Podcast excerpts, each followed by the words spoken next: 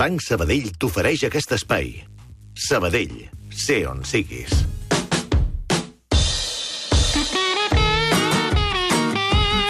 Tenim vestits de núvia i de nuvi escampats arreu del món. Venen de Noruega a emprovar-se'ls. Ho he vist, ho he vist, sí, sí. I d'on ve la paraula? Doncs, a veure, nubi, núvia, Sí. eh, ve del llatí novus. És a dir, Novus. la, la gent que accedeix a un nou estatus, a una nova situació personal i social.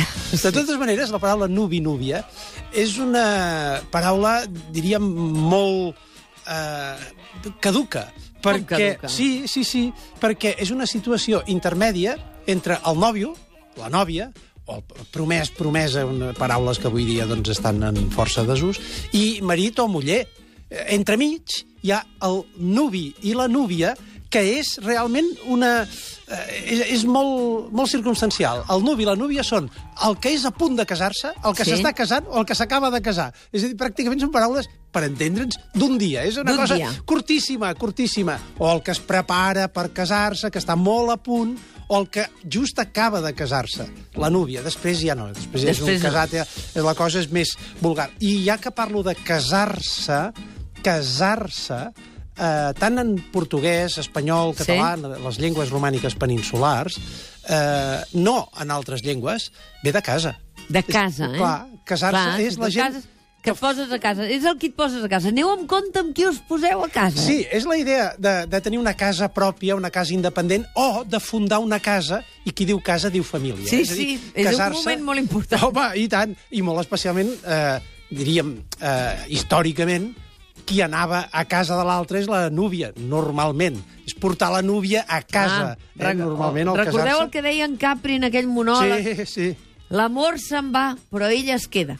I es referia a la casa, eh? Sí, sí. Mira què diuen en espanyol. Diuen, el casado casa quiere. Casa quiere. És una expressió molt sintètica, però ve de, de casa. I en, i en italià com ho diuen? Uh, L'italià, uh, cada llengua té matisos diferents per Sí. referir-se a, a la núvia, al nuvi, uh, bright, que és el cas Sí. de, de l'anglès, o proud, o, o l'alemany, és especial, però el francès distingeix entre copain, que, copain, copine, que els companys, amics, digue-li com vulguis, Sí. eh? eh? Però després hi ha fiancé, que ja és promès, i després marié. Marié. Ja, ja està. Marié tant pot ser eh, el, el dia del casament, com, però marié és quan es té mari, és a dir, ja es maridar, eh? la, la, la gent maridada. Mentre que l'italià primer és fidanzato, després és sposo, i després marito o moglie. Ah. I vull fer un incís, perquè sposo, hi ha una gran novel·la, la gran novel·la italiana, és I promessi sposi. Mm. Promessi sposi, el, els esposi no són els esposos, són els promesos, perquè sposo i esposa és el que està a, a punt de casar-se la novel·la i Promessi Sposi són les peripècies d'una parella que es vol Que es casar vol i casar. que no hi ha manera, però no són casats, perquè això ve del verb spondeo, en llatí, sponsus, que és promès, i ha donat espòs, es, esposo, ha, ha donat eh, epu, Mhm. però com a persones que ja han passat pel matrimoni, Ja. mentre que en italià és el que encara no ha passat pel matrimoni. Fixa't que el francès diu fiancé o fidanzato, tots els, tots els termes són de, de confiança.